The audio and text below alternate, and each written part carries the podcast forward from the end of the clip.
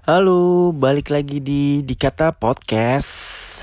Nah, ini episode kelima Di mana gue Dika kembali lagi untuk melanjutkan konsistensi gue Dalam membuat konten podcast Walaupun gak tahu ya denger berapa Tapi ini mungkin menjadi catatan gue di hari-hari nanti Nah, hari ini gue pengen bahas sesuatu berdasarkan cerita gue sebelumnya.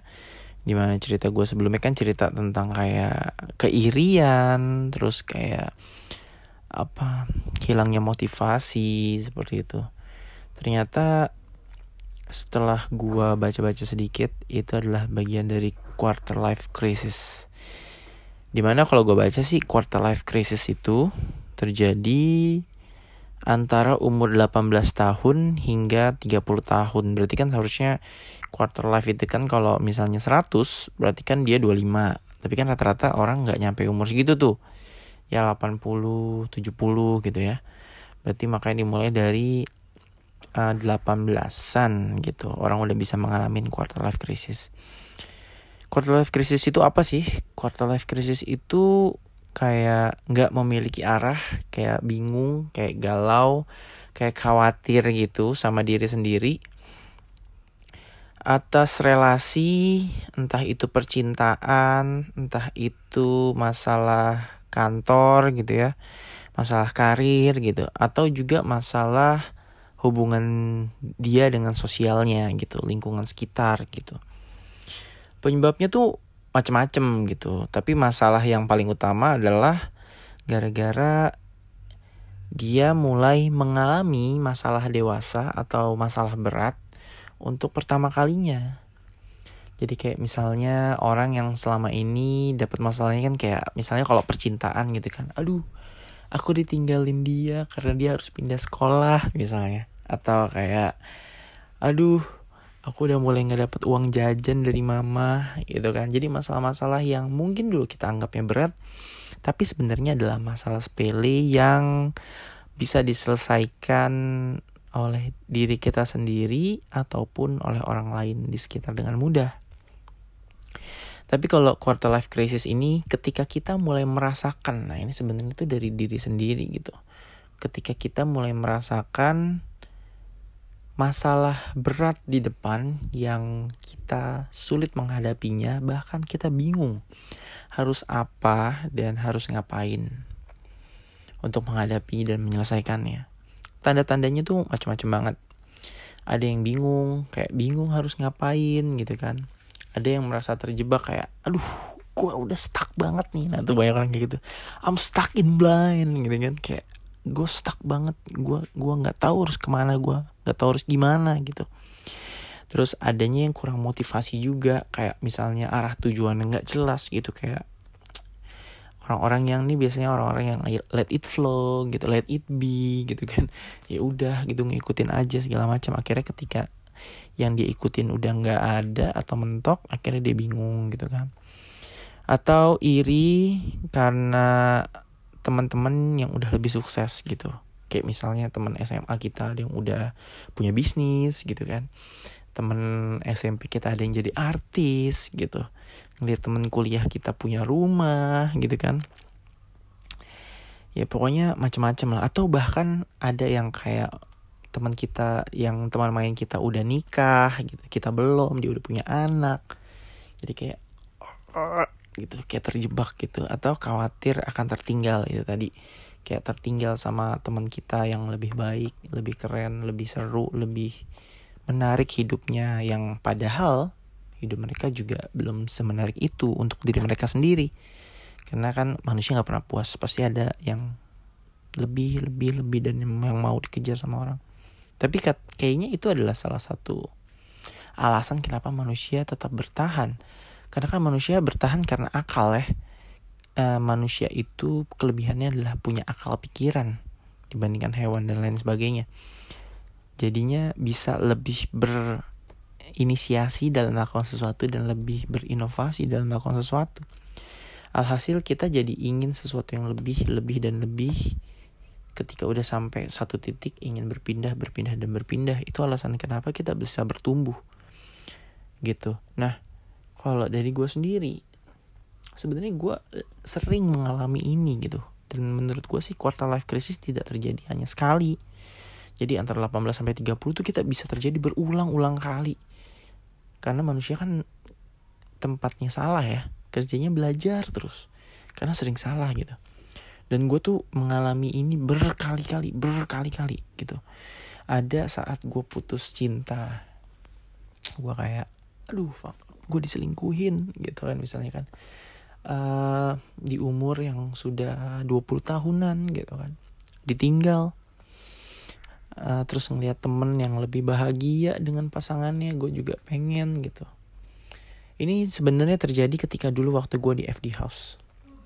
Gue sempat mengalami quarter life crisis terhadap percintaan karena gue uh, ngelihat beberapa teman gue itu bisa ketemu dengan wanita cantik, dia bahagia, dia bisa menjalani kehidupannya dia dengan normal. Sedangkan gue tuh bertemu dengan pertemanan yang toxic. Gue dengar cerita-cerita cewek yang ada yang aborsi lah, ada yang kerjanya dugem bla bla bla lah, ada yang pokoknya macam-macam lah cerita-cerita yang bikin gue jadi kayak terus gue harus gimana gue tau hidup gue nggak bagus-bagus banget tapi gue harus gimana gitu loh. Jadi kayak pergolakan-pergolakan itu tuh bingung. Karena gue ketemu cewek-cewek yang nggak mau serius sama cowok. Maunya jalan pintas aja sama yang kaya gitu kan. Sedangkan kita masih merintis kan bingung ya. Itu gue jadi kadang kayak aduh fuck apa gue harus gimana? gitu. Akhirnya itu yang bikin gue jadi kayak udah gue gak mau pacaran gue maunya langsung nikah. Nah itu baik kayak gitu tuh. Udah gue nggak mau pacaran lagi karena gue capek sakit hati. Gue langsung pengen nikah sama orang yang tepat. Tapi gimana? Kan nggak nggak bisa segampang itu. Mungkin ini juga sering terjadi sama banyak orang gitu. Tapi ini juga terjadi sama gue gitu. Quarter life crisis terhadap percintaan yang bikin gue jadi pengen cepet nikah. Nggak tahu alasannya apa tiba-tiba kayak fuck lah mau nikah deh udah deh capek gue. Ya, kayak gitu. Gue pernah ngalamin kayak gitu. Gue juga pernah ngalamin nggak ada motivasi ketika jadi gini tujuan hidup gue itu kan untuk nyokap gue sebenarnya. Banyak cerita yang mungkin nggak bisa ceritain sekarang nanti akan gue coba bahas satu-satu di setiap episodenya. Intinya gue hidup untuk nyokap gue. Intinya gue ingin lakuin yang terbaik biar nyokap gue seneng. Karena gue dari dulu sering ngecewain nyokap gue bikin nyokap gue nangis sedih gitu kan. Gue tuh pengen banget bikin nyokap gue bangga sama gue dan seneng gitu. Dan nyokap gue bisa banggain gue dan impian terdekat gue waktu itu adalah ingin membawa nyokap gue pergi haji atau umroh minimal. Dan waktu itu kesampaian alhamdulillahnya gue bisa bawa bisa berangkatin mama gue umroh walaupun belum sama gue ya. Nah ketika saat itu setelah nyokap gue pulang itu udah mulai jarang tuh gue ribut sama nyokap gue nyokap gue udah nggak pernah marahin gue lagi baik banget sama gue dan gue ngeliat nyokap gue happy gitu kan. Karena mungkin diringankan bebannya. Anaknya udah pada bisa nyari duit gitu kan tinggal satu adik gue yang kecil. Dan itu yang buat gue jadi kayak mengendur kayaknya. Motivasi hidup gue kayak mengendur gitu. Gue ngeliat nyokap gue udah bahagia gue rasa cukup ya. Nah terkadang gue begitu tuh. Itu bikin gue jadi bingung. Terus gue jadi kayak terus gue harus ngapain nih? Gue harus ke mana nih? Gue harus gimana nih? Yang gue pengen lihat adalah nyokap gue bahagia sekarang. Kalau gue terus terus nyari duit dan kerja kerja kerja bikin waktu gue nggak ada buat nyokap gue nanti nyokap gue malah sedih. Tapi kalau misalnya gue nggak kerja nyokap gue kan juga nggak seneng juga. Nah itu kan gue bingung ya. Berarti kan gue harus menemukan formula yang tepat untuk bikin nyokap gue terus-terusan seneng. Tapi gimana? Gitu nah, itu gitu ya lagi. Intinya quarter life crisis tuh bingung gitu. Bingung. Kita nggak tahu. Mungkin kita tahu jawabannya tapi kita nggak tahu harus gimana. Dan itu sering banget terjadi sama gue jadi kayak gue tuh sering nangis tiba-tiba. Nangis sendiri pas lagi sedih aja capek banget sama hidup kayak gini gue nggak tahu harus gimana misalnya gitu kan. Tapi kalau ditanya lo kenapa? Gue nggak tahu gue nggak tahu gue kenapa tapi gue capek aja gue bingung gitu. Pernah gak sih lo ketemu orang yang lo kenapa sih capek banget? Ya gue nggak tahu gue nggak tahu harus gimana gue nggak tahu gue bingung misalnya gitu. Intinya kita bingung dan nggak tahu harus ke mana gitu. Kayak terjebak di depan batu besar saking besar kita nggak bisa tahu cara ngegesernya bingung aja gitu. Atau ngeliat sesuatu yang baru tapi kita nggak ngerti cara makainya. Jadi kayak bingung aja gitu. Itu yang sering banget terjadi sama gue sampai nggak tahu harus ke mana nggak tahu harus gimana nggak tahu harus cerita sama siapa dan akhirnya bingung. Dan ini mungkin yang terjadi sama banyak orang. Nah bedanya adalah gimana cara mereka menyelesaikannya. Banyak orang yang melakukan pelarian terhadap masalah-masalah mereka ketika mereka mengalami quarter life crisis ini. Banyak quarter life crisis ini dijadikan alasan untuk mereka melakukan sesuatu yang kilaf atau salah. Dengan alasan ya gue nggak tahu harus gimana. Ini pelarian gue ini satu-satunya cara bikin gue happy. Ini satu-satunya cara bikin gue bahagia gitu. Banyak orang yang melakukan hal itu. Entah mungkin ya kan gue nggak tahu ya. Gue nggak bisa ngelarang orang. Tapi ada beberapa alasan orang untuk minum alkohol. Akhirnya dia bergaul di tempat yang salah. Dia melakukan hal-hal yang tidak bagus gitu kan. Dia menyakiti orang lain atau bahkan dia narkoba gitu kan. Itu hanya karena untuk melarikan diri dari kebingungan dia gitu. Ada yang orang dia ke klub tiap malam gitu. Cuma bikin cari pelampiasan aja katanya. Ketika gue lagi melakukan hal ini gue merasa lepas gue merasa enjoy gitu. Yang setelah mereka sober setelah mereka sadar mereka balik lagi ke titik itu. Mereka balik lagi ke titik bingung itu dan ke titik pusing itu lagi. Dan akhirnya apa? Bingung-bingung lagi. Dan akhirnya apa? Dia melakukan lagi. Terus eh sampai dia terjebak. That's why banyak orang yang terjebak. Dia menyesal dan menangis Kenapa kok bisa orang begitu menyesal dan menangis? Karena dia nggak tahu waktu itu dia gimana. Dia berada di satu titik di tengah hutan yang dia nggak bisa keluar. Terus dia ketemu kompas rusak dan dia akan tetap coba jalanin kompas rusak itu daripada dia diam di tempat. Karena kan banyak orang yang memprinsipkan lebih baik bergerak daripada diam kan. Padahal diam itu bisa jadi emas. ya namanya hidup kita nggak akan pernah tahu gimana caranya tapi untungnya gue terjebak ketika gue terjebak dalam itu gue um, mencoba melakukan sesuatu. Yang paling utama tidur ya. Tidur coba main game sih stres juga tapi gue lebih banyak tidur tidur gitu kan. Atau melakukan banyak aktivitas walau gue nggak tahu nggak ada duitnya juga gue bingung juga akhirnya stres ya salah satunya podcast ini adalah salah satu pelarian gue dari quarter life crisis gue terhadap kerjaan gue ketika kantor gue lagi nggak stabil ketika kantor gue lagi nggak gajian gue udah nggak gajian uh, satu bulan gaji terakhir belum dan thr gue juga belum keluar di kantor gue gaji kita telat setiap tiga bulan. Jadinya ya itu bikin gue jadi bingung sekarang di kantor. Gue ingin fokus entertain tapi belum ada uangnya. Engagementnya nggak bagus dari gue sendiri waktu di FD House. Akhirnya ini yang bikin gue jadi terjebak dan bingung harus gimana.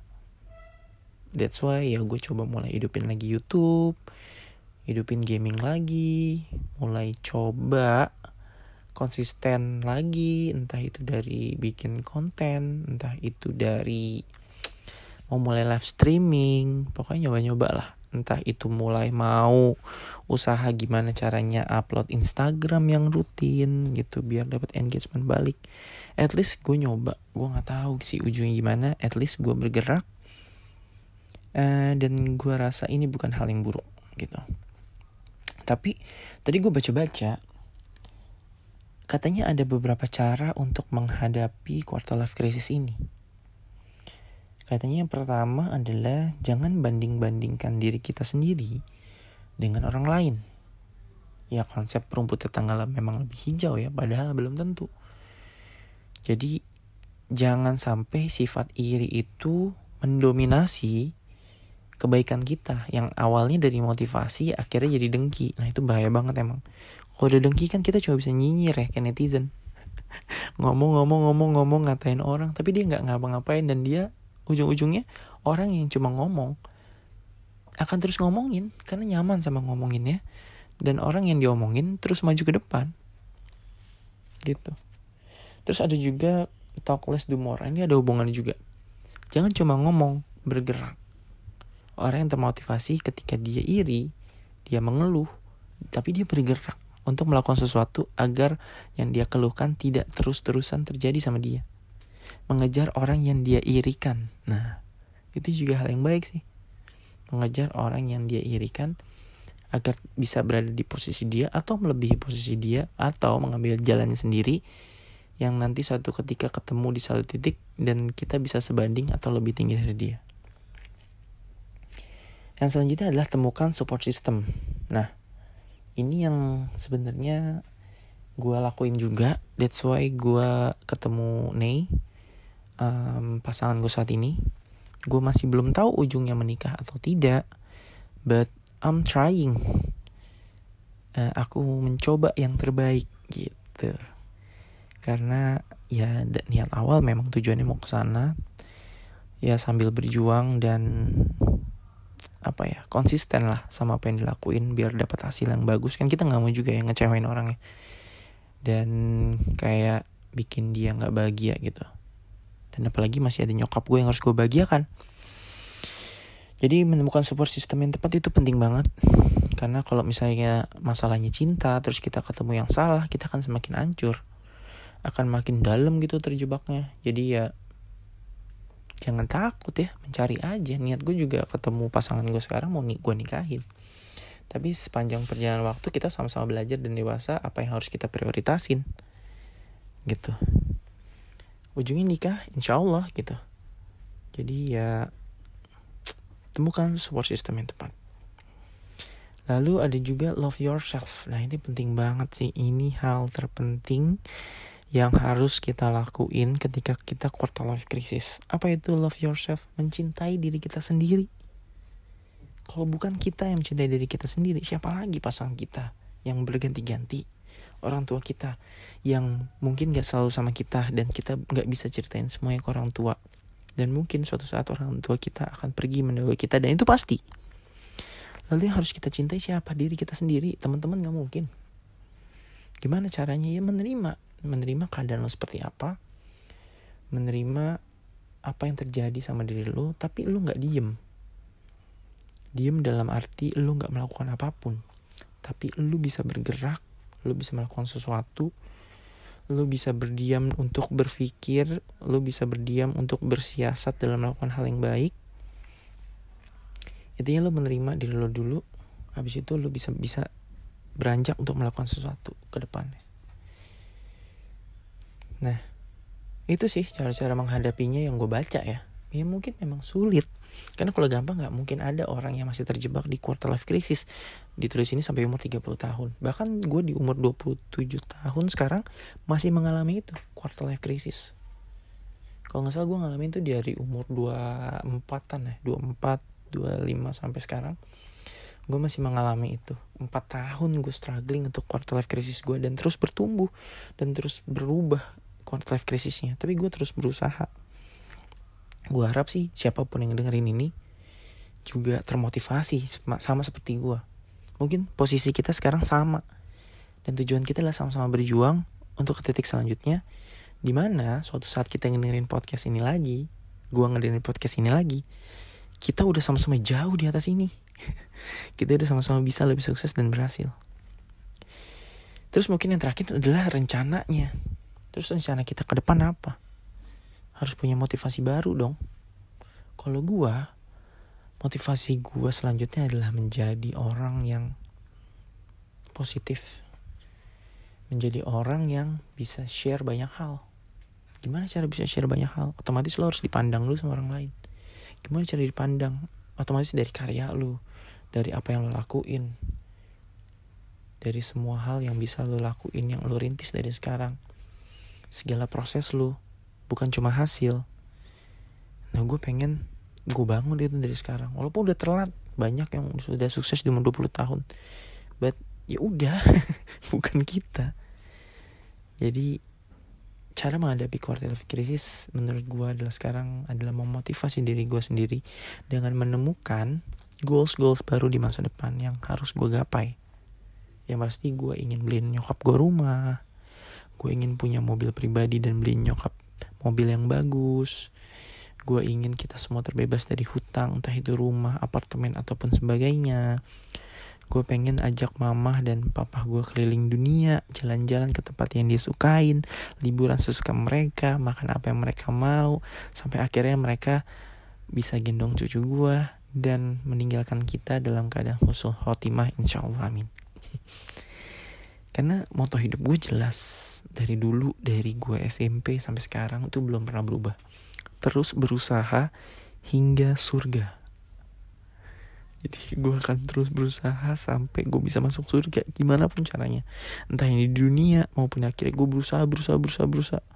Sampai titik akhirnya adalah surga bersama keluarga gue uh amin amin ya. Ini tugas yang berat buat gue tapi intinya dari quarter life itu seperti itu.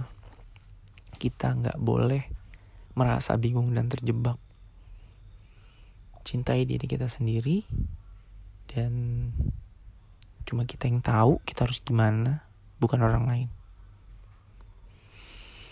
Gue harap ini bisa menjadi gong ya buat kita semua, buat diri gue sendiri juga, biar membantu, biar kelak quarter life crisis ini bisa jadi candaan kita di masa depan dan kita sudah berhasil melewatinya. Dan gue juga berharap gitu. Bismillah. Oke. Ini cukup panjang, gue cukup seru ceritanya gue akan terus improve diri gue untuk ngomong lebih lancar lagi, gak bertele-tele, gak muter-muter, dan memperbaiki public speaking gue juga dengan konsisten di konten-konten podcast di kata podcast selanjutnya. Mungkin segitu aja. Thank you. Sampai jumpa lagi di episode selanjutnya. Bye bye.